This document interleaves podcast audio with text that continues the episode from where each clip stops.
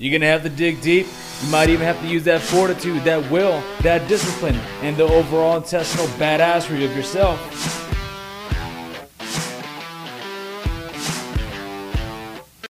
Hey, hey, everybody. All right, and we're live. So, this is episode number 37. It's July 8th, 2022. Okay, so as we know, I have actually relocated most of my business and also bought a farm here in Gallatin, Tennessee. And one of the things that I noticed is cybersecurity, cyber technology, not only is becoming more and more prevalent in Nashville, but also in Franklin, and furthermore in Gallatin, Tennessee. And the reason I bring this up and the reason I believe this is really important is because we have one of the biggest juggernauts coming in in town right now. It's called Facebook. Now, Facebook is notorious for coming in town and just making things awesome in certain community aspects, right? You're talking about Facebook, Oracle, and other technology juggernauts coming into coming into Gallatin.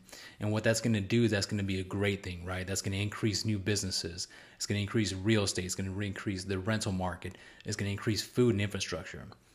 And the great part about this is that it's going to help the local economy out. I believe that Gallatin is going to be the forefront, possibly the new Palo Alto of, of like California, and also the possibility of um, a new semiconductor company going out to Phoenix is going to have the same similarities here. Uh, Facebook and other technology companies even went as far as going to Stillwater, uh, Oklahoma, and also other small towns in Texas to set a shop there for their geolocation strategy. Now, some people will say, hey, why would we want big tech? They're going to change things and whatnot. But in the reality of the situation is that we live in a technology driven era and technology is going to be and is a part of our life.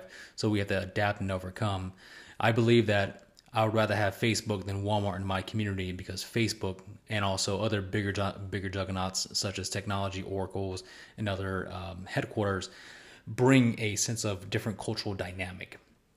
Now, the reason these things are important is because, you know, again, harping on the fact that these bigger juggernauts are going to be coming into the local economy and they're going to increase jobs, they're going to increase pay, might increase a little bit of a cost. I definitely see that and understand that, but we're going to increase the people and also the cultural aspect. So you, as you can see, there's going to be different type of cultural aspects coming in, anywhere from Latin America all the way to uh, United Kingdom, possibly Azerbaijani, uh, Indian, all the way to Hindu, to you know anywhere else in between that has a good technological aspect.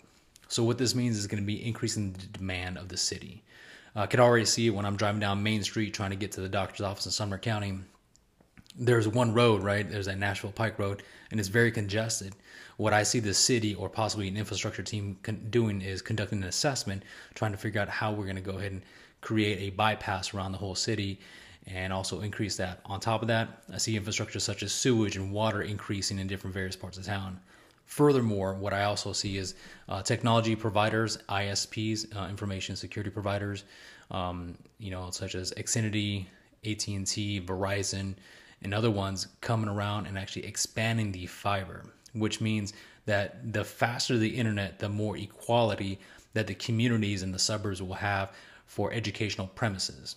This is a very, very big thing because the more access our youth has to the internet, the more access people have, the elderly people have uh, to the internet could mean you know faster education, better education, new means of education, right? That means we're increasing a whole new generation of workers of skill sets and whatnot. Now, for the elderly community, what that means is that there might be a faster, um, you know, medical response time, or they might have access to different medical needs that they that they cannot reach, like you know, reaching a doctor in Nashville instead of driving 45 minutes in the winter, right?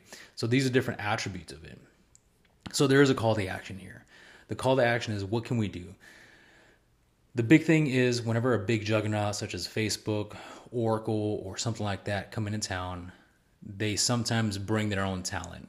And what I would like to see, and what I'm going to try to do with the city of Gallatin, is try to keep these jobs here.